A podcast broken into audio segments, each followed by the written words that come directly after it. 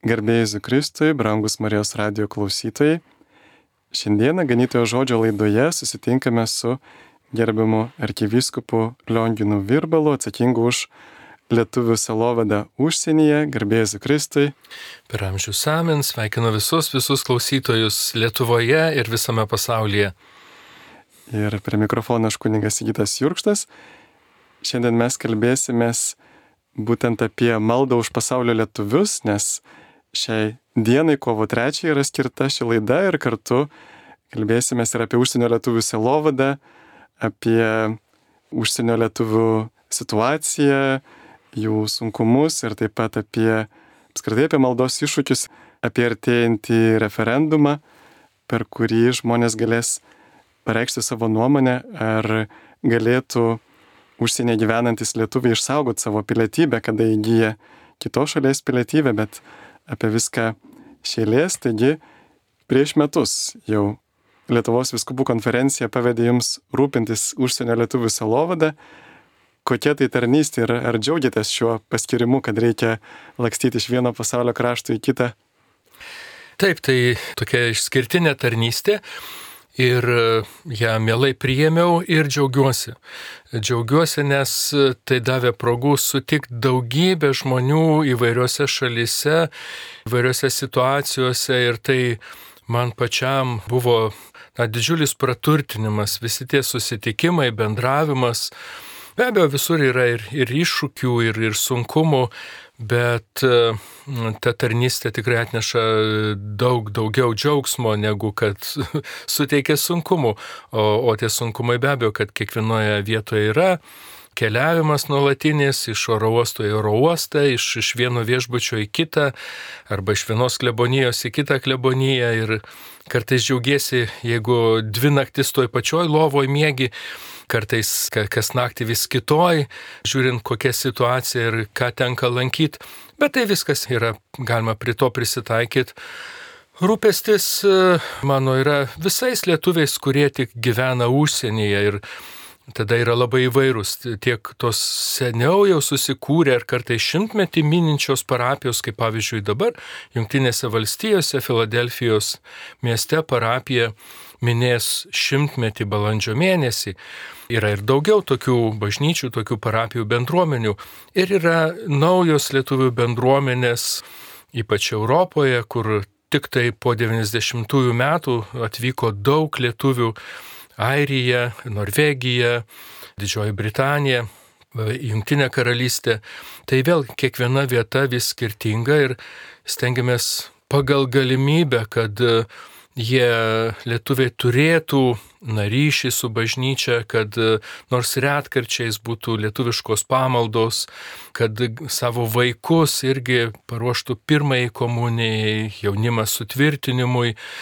Ten, kur nėra kunigų pastoviai, nuvyksta iš Lietuvos.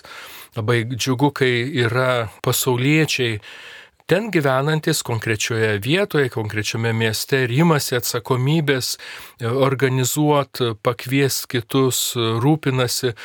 Tai labai įvairi ta situacija ir labai įvairi tikrovė. Ir e, kiekviena ta reikalauja savo atidumo, savo kažkokių klausimų išsprendimo, kartais ir tiesiog na, šventė, kurioje dalyvauju. Tai iš tiesų tarnystė plati, įvairi ir uh, jinai tęsiasi. Šiemet kovo 3 minima maldos už pasaulio lietuvius diena. Tai mus skatina ir melstis, ir susimastyti apie pasaulyje pasklidusius mūsų tautiečius. Ir jų turbūt yra visai nemažai, ar ne? Kiek jų maždaug yra užsienyje gyvenančių lietuvių dabar? Tai klausimas, į kurį niekas negali atsakyti. Visų pirma, ką mes laikytume mūsų tautiečiais. Ar, pavyzdžiui, trečios ar ketvirtos kartos lietuvių palikonį Amerikoje, ar Argentinoje ar Brazilijoje, kuris gal nemoka lietuviškai, bet vis tiek save širdį laiko na, turinčių ryšį su Lietuva. Tai ar laikyti jau tautiečių, ar, ar vien tik tai tuos, kurie na, kažkaip aktyviai įsijungia lietuvišką veiklą, na tai galėtų tada būti dideli skirtumai. Tai tikrai bus lietuvių, kurių na, kurių palikonys gyvena, tai turbūt gerokai virš milijono visame pasaulyje, bet nes nuo 90 metų, 1990 iki pat dabar, manoma, kad apie 700-750 tūkstančių Lietuvos piliečių yra išvykę į užsienį. Ir tą labai nesunku paskaičiuoti, kadangi paimam gyventojų skaičių Lietuvoje 90-aisiais, paimam gyventojų skaičių dabar, jisai labai sumažėjęs ir yra natūralus prieaugio trūkumas, tai yra daugiau mirė negu kad gimė. Tai yra apie, turbūt apie pusantro šimto tūkstančių dėl to sumažėjo. Na ir kiti todėl, kad išvyko. Tai va, toks bendras paskaičiavimas, kad galėtų būti, na, kažkur tai netoli 750 tūkstančių išvykusių vien tik per pastarąjį laiką, na, kurie Lietuvoje gimė, Lietuvoje užaugę, e, turi tėvus, draugus, giminės, savo mokyklą baigtą Lietuvoje, kurie turi labai artimą ryšį su Lietuva. Jų vaikai jeigu jau gimė kitoj šaly, be abejo, jie auga kitoje aplinkoje, dažnai jų kalba, kuria daugiau bendrauja su savo klasės draugais mm, kai kaimynais, su, su bet kuo kitu, jau būna kita kalba, ar anglų, ar, ar norvegų, ar, ar kuri kita kalba, tai tie vaikai jau, na vis tiek išlieka lietuviais, bet jau jų ryšys yra kitoks negu jų tėvų, kurie išvykę iš Lietuvos. Aišku, tai jūsų parapija ganėtinai nemaža. Visas pasaulis išskyrus Lietuvą. Bet kadangi gyvenu Lietuvoje, tai irgi mielai lankausi ir tiek, tiek šventėse, tiek atlaiduose, tiek ir kiek galėdamas dabar padedu pastoracijoje, kai būnu Lietuvoje, Vilniuje. O jums tenka lankyti tos žmonės, va, užsienį gyvenančius lietuvius, kokie pagrindiniai jų rūpeščiai tenai, kaip jiem pavyksta įsišaknyti kitose šalise? Labai vairios situacijos. Tai jeigu išvykę jau seniau, 15, 20 ar dar daugiau metų, tai be abejo, kad jau jie įleidė šaknis. Jie turi darbus, jau nemažai pasiekė savo profesijoje arba verslą išvystė ir jie jau jaučiasi tų šalių piliečiais, be abejo, nenutraukia ryšio su Lietuva. Europoje gal šiek tiek kitaip, labai lengvas ryšys ir atvykti į Lietuvą iš tų miestų, kur yra tiesioginiai skrydžiai, kartais lengviau negu iš Klaipėdos į Vilnių ar atvirkščiai. Tai, bet vis tiek turbūt ten, kur jau žmogus gyvena, kur jo namai, kur auga vaikai ir ten jisai stengiasi įsikurt. Džiugu, kad per paskutiniuosius tris metus daugiau lietuvių grįžta į Lietuvą negu išvažiuoja. Taigi yra e, daugėja, tų grįžtančių daugėja e, Lietuvoje vėl įsikūrenčių, kartais nėra lengva jiem po kažkiek tai metų nemažai praleistų užsienį vėl pradėti iš naujo kurti savo gyvenimą Lietuvoje, bet e, tikrai džiugi, džiugi ta tendencija dėl lietuvių, kurie sugrįžta. O koks tėvinės vaidmuo Dievo plane? Va, mes neseniai minėjom ir vasario 16-ąją, greitai minėsim kovo 11-ąją. Iš tiesų, ar mes galim taip interpretuoti, kad štai Dievas mums parinko šitą vietą, mes turime ją ypatingai gerbti ir mylėti ir Ar Dievas duoda laisvę jos ją pakeisti? Ne, tėvinės niekada negali pakeisti. Na, pats žodis tėviniai, žodžio tėvas, bet man labai gražu, kad tėvinė yra moteriškos giminės. Tai sako, motina tėvinė. Ir net kaip gražiai susijungia visa šeima, kiekvienam vaikui reikia tėvo ir motinos ir be abejo tėvynės. Mes nesam kažkokie istorijos pamestinukai, mes turim tėvynę, mes turim savo šalį, iš kurios gaunam viską, gaunam kalbą, mes jaučiamės čia įsišaknyje to istorijoje, mes esame atsakingi už šitą žemę, už jos ateitį. Tai tėvynė visuomet išliks tėvynė. Bet tie, kurie išvykę dėl vienų ar kitų priežasčių, čia jau kitas klausimas būtų, bet jie gyvena kitame krašte, bet vis tiek jų tėvinė išlieka ten, kur jie gimė, jų gimtinė, galim sakyti. Dabar tie, kurie gimsta kitame krašte ir, ir tokių yra daug. Jie išauga, na, galim sakyti, kad tarsi dvi tėvynės, dvi tė, tėviniškumas, nes jiem brangi yra ta šalis, kurioje gimė, kurioje gyvena, kur, kurią pažįsta, kurioje savo galimybės atskleidžia. Ir taip pat tėvų žemė, Lietuva. Ir labai gerai, kada jeigu jie ir išmoksta kalbą, tada gali dar, na, glaudžiau kažkaip perimti visą tą, ką tėvai jam perdoda. Ir čia tada didelis vaidmuo lituanistinių mokyklų, kurios vienai par kitaip veikia įvairiose šalise, kartais dažniausiai yra ten fiziškai suvažiuoja vaikai šeštadienį, kai nėra pamokų ir mokosi, kur nėra tokios galimybės, kur per didelį atstumai suvažiuoti, gal per internetą. Na, bet vis tiek išlaikyti ryšį su tėvinė. Tai aš manau, tai tik praturtinimas. Tai nėra atsisakymas tėvinės, bet praturtinimas, jeigu jau žmogus gimė užsienį ir jisai dar išlaiko ryšį, jam brangi yra Lietuva ir jas ją pažįsta, ją puoselė, yra Lietuvos atstovas, sakykime, tarp kitų, tarp savo draugų, tam tikras ambasadorius nešantis žinę apie Lietuvą. Turbūt kaip Paulius laiškė filipiečiams trečiam skyriui sako, kad mes esam dangaus piliečiai, mūsų tevinė danguje, tai turbūt nenori gal paniekinti tos žemiškos tevinės, bet tiesiog pasakyti, kad na, dangiškai reiktų skirti pirmą vietą. Taip. Taip, tas gyvenimas ir tai, kas yra žemėje, tai taip pat ir, ir tevinė.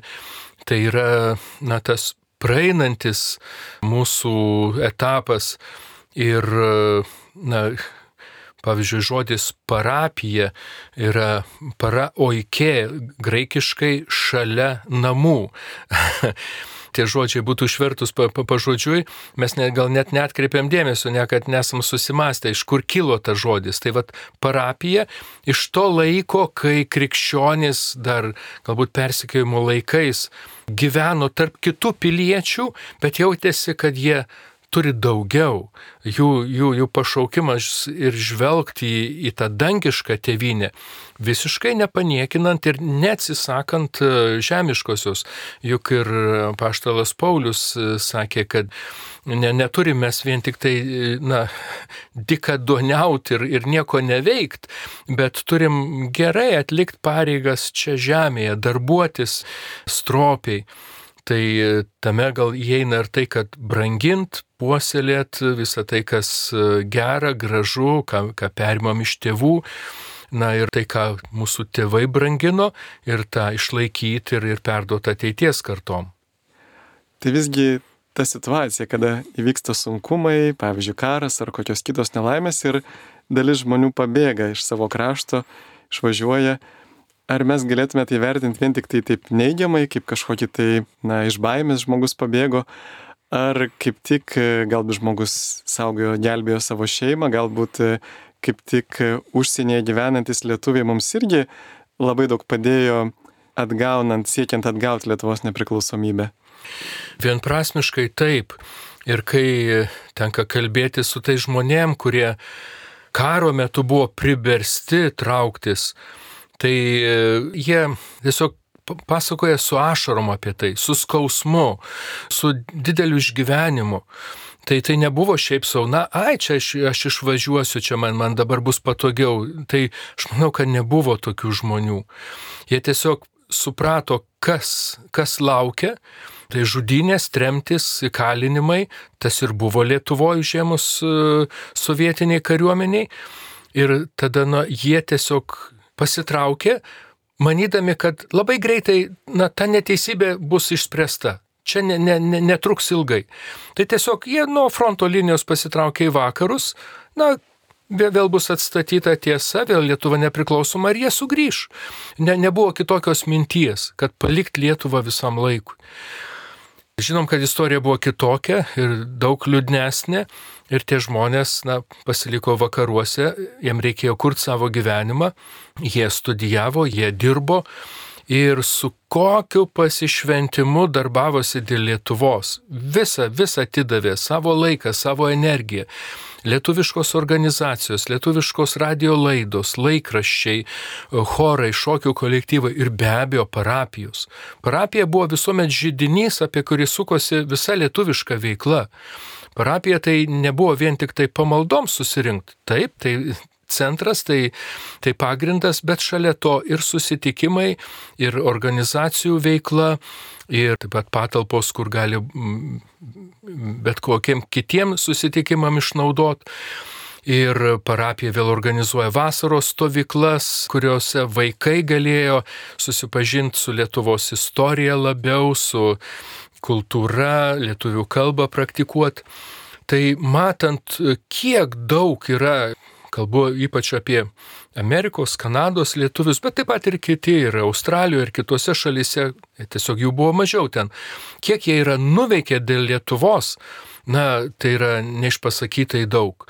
Ir teisingai tada jie nuolat pabrėžia, kad Lietuva yra okupuota. Kiekvieną progą išnaudojo apie tai kalbėti, tą perduot savo šalių vyriausybėm kad Lietuvos okupacija nebūtų pripažinta, kad būtų keliamas tas Lietuvos nepriklausomybės klausimas. Galiausiai po 90-ųjų metų jie stengiasi, kad Lietuva kitos šalis oficialiai pripažintų kaip nepriklausomą šalį atsiskyrusią nuo Sovietų sąjungos. Jie organizavo paramą, pagalbą tiek materialinę, tiek tie, kurie galėjo atvažiavo čia, kurie dėstė, kurie na, karitatyviniai srity, kurie apmokymus organizavo.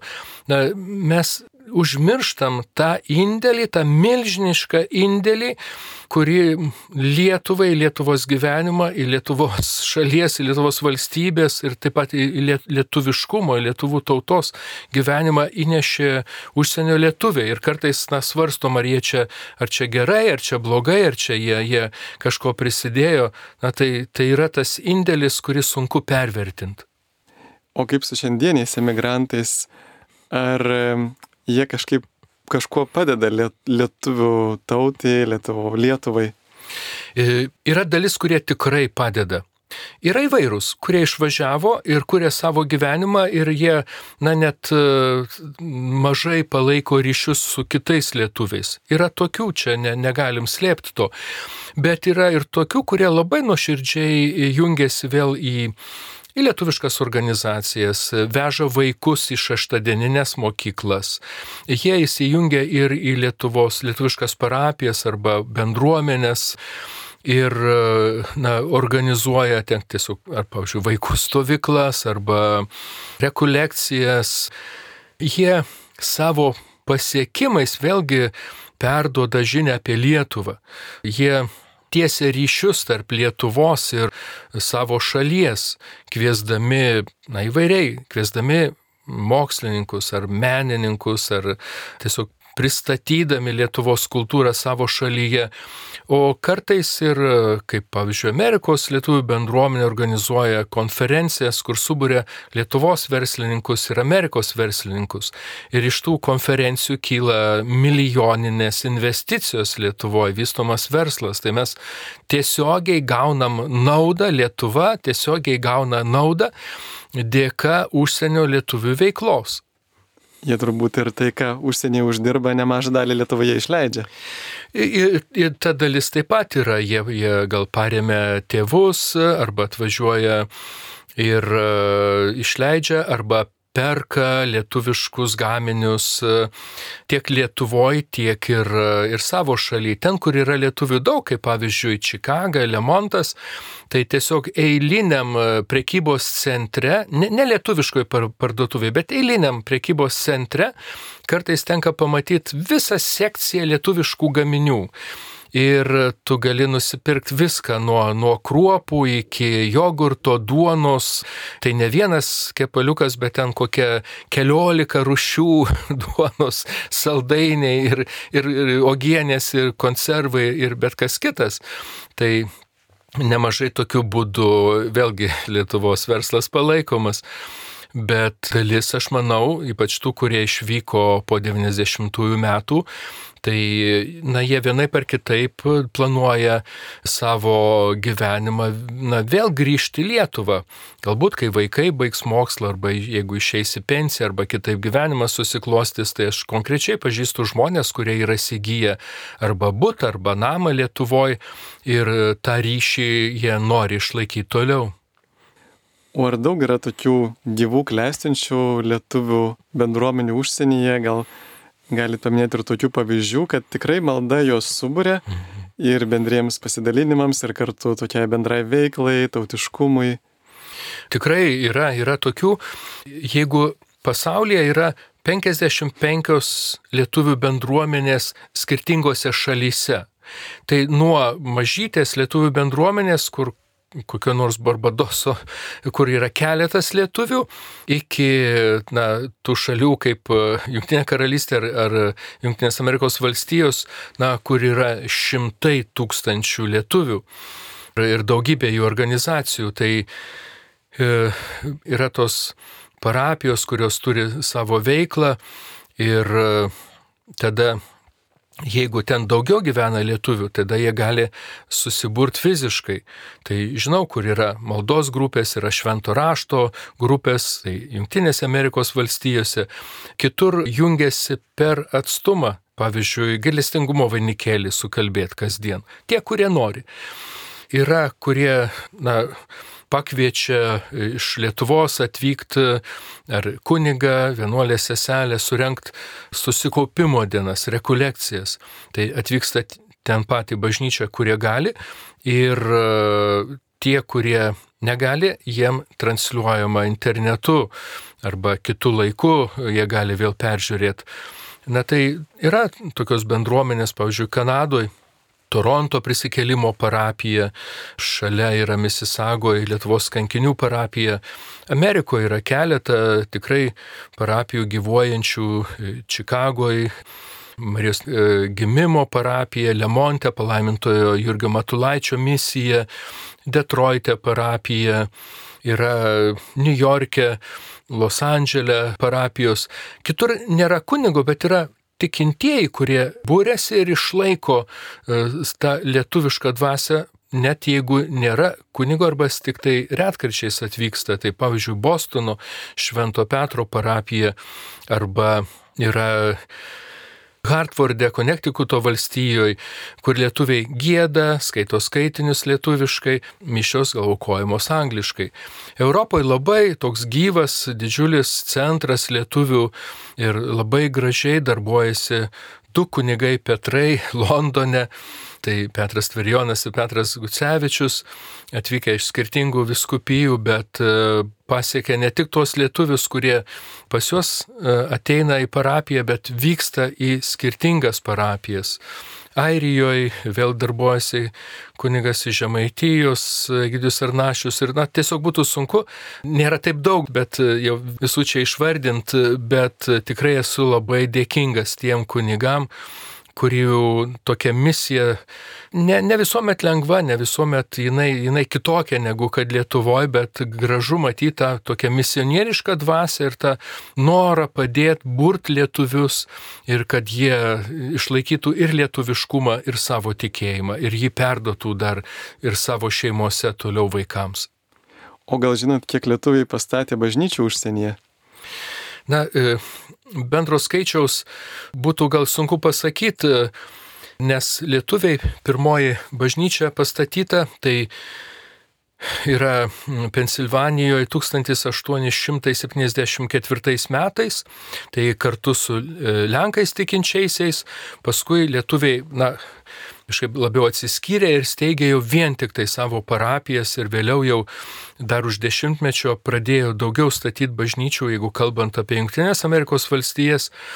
Tai vien XIX amžiuje iki 1900 metų buvo 39 bažnyčios pastatytos Junktinėse Amerikos valstijose, tada 20 amžiuje dar daugiau, tai dar 91 bažnyčia. Be abejo, yra keliolika bažnyčių Kanadoje, yra Europoje gal netiek daug, kadangi tai netoli nuo Lietuvos, bet turim bažnyčią Londone ir taip pat Australijoje. Australijoje lietuvė nuvykę taip pat turėjo savo, savo bažnyčias. Keletą bažnyčių yra taip pat išlikę lietuviškų, su lietuviškais paveikslais, vitražais, simboliais Pietų Amerikoje nors ir nedaug, San Paulė, Argentinoje, porą įvairiuose miestuose ir taip pat Urugvajuje. Deja, dabar jau ten nebėra lietuvių kunigų ir taip pat dauguma lietuvių palikonių nebekalba lietuviškai, bet vis tiek jie švenčia ir lietuvišką šventę, paminį ir, na, bent jau dalis tikrai didžiuojasi e, savo lietuviškomis šaknimis. Mėly Marijos radio klausytojai, šioje ganytojo žodžio laidoje kalbame su arkivyskupu Lionginu Virbalu apie maldą už pasaulio lietuvius. Prie mikrofono aš kuningas Sigitas Jurkštas. Ir kaip tik šiemet kovo trečioji malda už pasaulio lietuvius, maldos diena sutampa su Švento Kazimiero Lietuvos ir ypač jaunimo globėjo netgi 540-osiamis mirties metinėmis. Kaip manot, kuo aktualus Švento Kazimiero pavyzdys mūsų laikų žmogui, mūsų laikų lietuviui? Taip, tai neveltui ta maldos už lietuvius visame pasaulyje diena buvo susijęta su Švento Kazimiero švente. Tai pirmas sekmadienis, pirmas kovo sekmadienis, o žinom, kovo ketvirtoji Švento Kazimiero šventė. Tai buvo amžinatilsiai prelato Edmundo Putrimo mintis, troškimas, kad būtų tokia diena, ji būtų paminima ir mes visi melstumėmės vieni už kitus, už lietuvius, kurie gyvena įvairiose šalyse. O Šventas Kazimieras, sakyčiau, tai na, atveria tą tolimesnę, didesnę arba dar gilesnę perspektyvą. Nežinot, jeigu paimt, kiekvienas nori kažkokią tai gyvenime pasiekti kažko, kažkokią karjerą padaryti, tai galim sakyti, kad na štai karaliaus sunus, na kas be gali būti daugiau, ar ne, tai buvo gal svajonė daugeliu būti karalaičiu, ar ne visos pasakos apie tai, kaip kažkas tai tampa karaliumi karalaičiu. Ir štai Kazimieras, kuris savo gyvenimu sako, žiūrėkit, čia, čia nėra viskas, čia, čia to neužtenka. Ir jisai tą labai konkrečiai rodo savo maldą kad e, kuris sujungia jį su tuo, kuris yra pats galingiausias, su Dievu, iš kurio visą jisai gavęs. Jisai rodo pagalbą pačiam paprasčiausiam žmogui, eidamas padėti tiem vargšam arba atsiliepdamas į jų prašymus.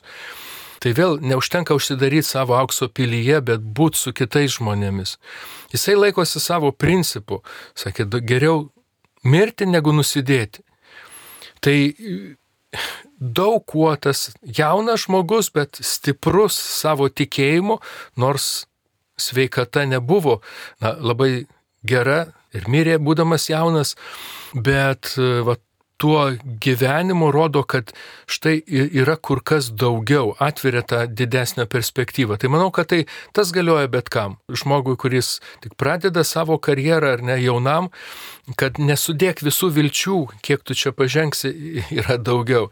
Tiek ir vyresniam, tiek ir daug pasiekusiam, kuris supranta, kad na, tai ne, neužpildo tie išoriniai dalykai jo gyvenimo, o yra dar tas ryšys su Dievu, kuris vienintelis gali išlaikyti, kuris gali jam meilę atskleisti. Arba kaip šventasis Augustinas sako, kad na, nerami ta širdis, kol, kol su Dievu nesusivienė, kur, kol to ramybės, to gerumo iš Dievo nepatiria. Tai manau, kad būtent apie tai kalba Švento Kazimiero pavyzdys. Iš tikrųjų, jis buvo labai pamaldus žmogus, mergelės Marijos sunus.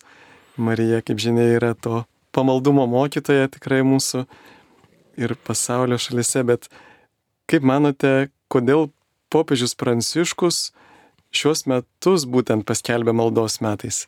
Na tai jis ir paaiškino, čia net ir manyti nereikia, tiesiog tai yra pasiruošimo jubiliejų metai. Kaip žinome, 2025 metai bus jubiliejiniai metai. Tai tiesiog kas 25 metai, 25, 50, 75 yra eiliniai jubiliejiniai metai, kai pakviečiama vėl daug su suprasti, įsigilinti arba priimti viešpaties išgelbėjimą neš, atneštą jo tą kvietimą priimti Evangeliją, jo gerąją naujieną. Na ir tai, kad tie metai, kur bus daug piligrimyščių, bus įvairių renginių, kad jie nepavirstų išoriškiniais metais, vien tik tai, na, kažkaip tai paminėti skambiai ir ar keliaut, bet kad tai būtų vidinės kelionės visų pirma. O, o vidinė kelionė yra maldos kelionė. Tai tie metai, pasiruošimo metai, ir yra maldos metai ir labai tikiuosi, kad jie padės tą maldą vėl atmint, jie geriau atskleist, surast naujus gal būdus ir, ir pagyvint visur, tiek asmeniškai, tiek šeimose, tiek bendruomenėse ir, ir parapijose. O kas jums yra malda, kokia yra jūsų asmeninė malda? Neskiriama gyvenimo dalis. Nesakyčiau, man kaip kunigui nuo pat dekono šventimų man valandų liturgija yra tas dalykas, kuris tam tikrus tarsi greučiai visos dienos, prie kurių siejasi visi, visi kiti dalykai. Tai ta, tos rytinė, rytmetinė, vakarinė, aušrinė dienos metu prieš miegant vėl malda, tai kažkaip sustiguoja tarsi visą dieną. Nu, nekaip neįsivaizduočiau savo dienos be šitų be šitų maldų, be, be psalmių, be, be to švento rašto skaitimo. Tai, tai toks vienas dalykas yra. Kitas yra tai toks ramus pabuvimas. Galėčiau pasakyti, ar ne taip labai paprastai, mes savo meditaciją ir vėl, bet, bet tiesiog pabuvimas kažkiek tai laiko, pagal galimybės, bent, na, gal pusvalanduką, kas rytą ir paėmus švento rašto skaitinį gal ateinančio sekmadienio ar tos dienos skaitinį ir tiesiog, na, žvelgiant į jį, kas, kuo jisai kalba, kaip prabyla, kuo, kuo man yra aktualus ir, ir tiesiog tą, tą išsakant viešpačiui tokiam kaip pokalbėje. Arba kitais kartais tiesiog e, ramiai kartojant e, gal daugiau, na, rytų krikščionių tradicija yra kartot kažkokį maldos kreipinį į Jėzų. Bai trumpą, e, tai ar Jėzau pasitikiu tavimi, ar, ar, ar gal daugiau iš Evangelijos kažkokią tai frazę, kuri padeda tiesiog išlikti. Malda nėra tai, kad aš dabar čia turiu kažką sugalvoti ar kažką nuveikti, gal kitą kartą ir at, at, kažkaip tai išgazdina žmogų, ką aš čia dabar turiu padaryti. Nieko, nieko nereikia padaryti maldoje, viešpats čia maldoje gali daryti tik tai, bet kad jisai darytų, turi būti, turi išbūti, turi suteikti erdvę. Ir manau, kas yra pabandę, tai, na, pajunta tą skirtumą, tą, tą gaivą, kurią atneša va toks ramus laikas. Aš suprantu, kad e, tie, kurie turi darbus, tai tikrai ne visuomet gali e, ryto metu, bet galbūt kažkokio dienos metu, ar gal kartais ir vakare, kiekvienas savo ritmą, ar bent kažkuriom dienom, kai yra galimybė va, turėti tokį ramų laiką. Na žinoma, man tai kaip kunigui yra, yra šventos mišios, tai vėlgi tai nėra tai kažką, ką darai, bet, bet irgi yra malda. Tai čia jau būtų liturginė malda. O toks ypatingas metų momentas visuomet būna rekolekcijos, tai bent, bent keletą dienų, kai palieki viską ir, ir vėl peržvelgi ir iš naujo arba tiesiog na, kažkaip naujai pasižiūri iš, į, šventą raštą ar kažkokią tai mintis ir, ir duoda tam tikrą kryptį vėl kitiem metam. Tai tokia įvairi ta malda. O kartais šeimoms pradėti melstis kartu yra, na kažkaip neįprasta, nejauku. Girdėjau iš vieno tokio vyro tokį pasakymą, kad sako, man lengviau yra nusirengti prie žmoną, negu su ją kartu melstis. Ir tikrai yra toks momentas, kada mes nutampam tokie dvasiškai gal pažeidžiami, išgyvenam tam tikrą ir dvasinę kovą, turbūt ir velnės puola irgi tą mūsų bendrą maldą. Ir va, kaip patartumėt šeimoms, kurios mus girdi, pradėti šeimos maldą, jeigu dar nėra tokio įpročio tose šeimose? Labai natūraliai, nes kiekviena šeima turi savo na, reikalų, rūpešių, ar net jei kažkas tai laukia, ar na, tiesiog galbūt ar, ar tai kelionė, ar, ar kažkoks tai, galbūt nežinau, net ir pirkinys, ar e, vaikas į mokyklą turės eiti, ar galbūt kažkas susirgia ir, ir tada, na, tiesiog kartu pasakyti, kaip trumpą prašymą, tam tikrą maldavimą.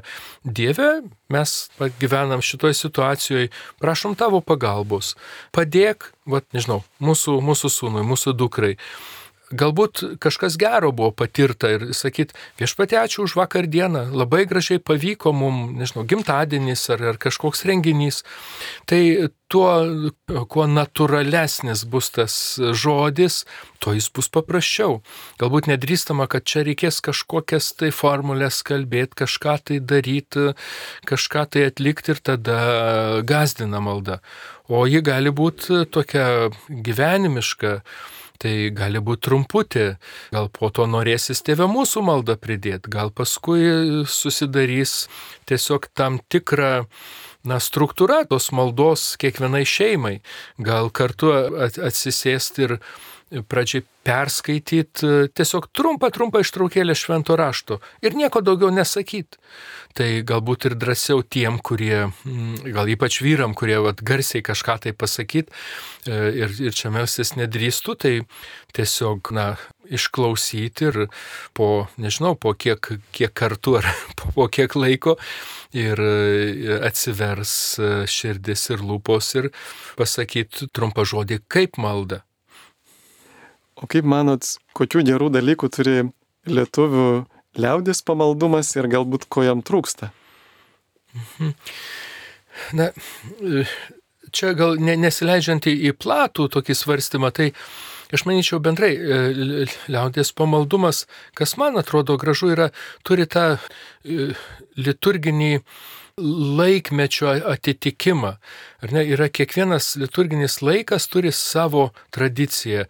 Yra adventas yra vienoks, su vienokiom gesmėm, su taip pat su malda, anksčiau gal buvo labiau tas, tos rarotų pamaldos ir dabar gal kai kur yra.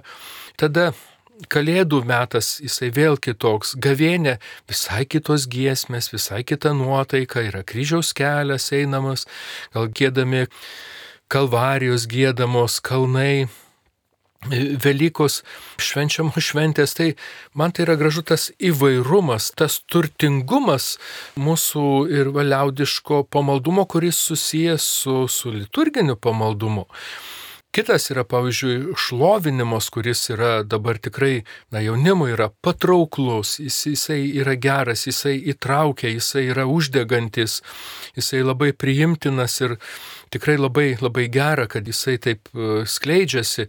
Aš sakyčiau, kad būtų labai gera, gal, gal kažkas galėtų daugiau sukurti giesmių, kurios atitiktų laik, liturginį laikotarpį. Nes kartais tenka girdėti kai kur, na, tos pačios giesmės per adventą, tos pačios per gavienę, tos pačios per Velykas.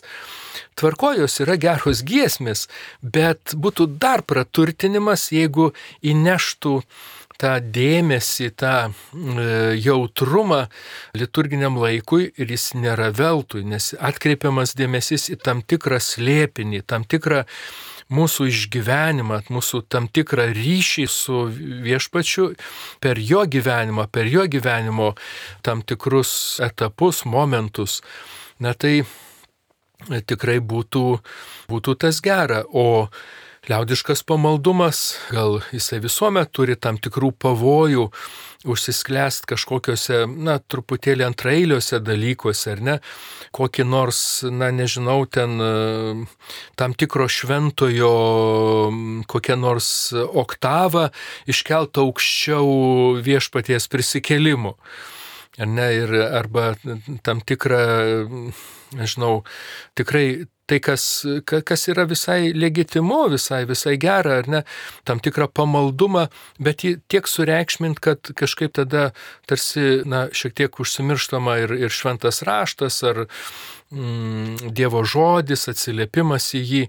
Na tai va, tas liaudiško pamaldumo, e, ne tik lietuviško, bet bendrai liaudiško pamaldumo pavojus tame yra. Na ir mūsų laidai jau visai artėjant į pabaigą dar vienas toks praktinis klausimas, jums dažnai tenka bendrauti su užsienio lietuviais ir kaip tik dabar, gegužės 12 per prezidento rinkimus, per referendumą tauta spręs klausimą dėl lietuvių pilietybės išsaugojimo. Kaip manot, na, kiek tai yra svarbu tiems? Milžiniškai svarbu. Tai. Visiems labai svarbu. Tai paliečia Lietuvą, mūsų visą ateitį. Kas pilietis, o kas nepilietis. Tai aš sakyčiau, kas nedalyvauja šitam e, referendume, na tai jis tai tiesiog, nežinau, kaip jį bevadinti lietuviu tada tai jisai turėtų dalyvauti, išreikšti savo nuomonę, savo poziciją, tokią, kokią jisai laiko teisinga. Tai vienprasmiškai. Na, o aš kai bendrauju su daugeliu užsienio lietuvių, aš galiu išsakyti jų lūkesčius ir, ir jų mintis, jų, jų požiūrį. Tai kalbam apie, kaip sakiau, apie 700 tūkstančių lietuvių. Tai jeigu paimtumėm Lietuvą, kur dabar gyvena apie 2 milijonai 800 tūkstančių, tai ką tai reiškia dar 700 tūkstančių? Tai sakyčiau, jeigu mes juos nubrauktume ir sakytume, na tai tegul jie ir pradingsta, tegul jie, jie jau ten gyvena, gaus pilietybę ir mums jų nebereikia. Tai aš labai palyginčiau tai tas pats, kaip pasakyti, na žinot, taip nubraukėmės Klaipėdos ir Telšių apskritis, mums jų nebereikia. Tai čia tas pats tik ne teritorinio atžvilgių, bet asmenų atžvilgių. Mums jų labai reikia. Mes turim išlaikyti tuos žmonės, kad jie neprarastų pilietybės, kad jie neprarastų savo ryšio su Lietuva.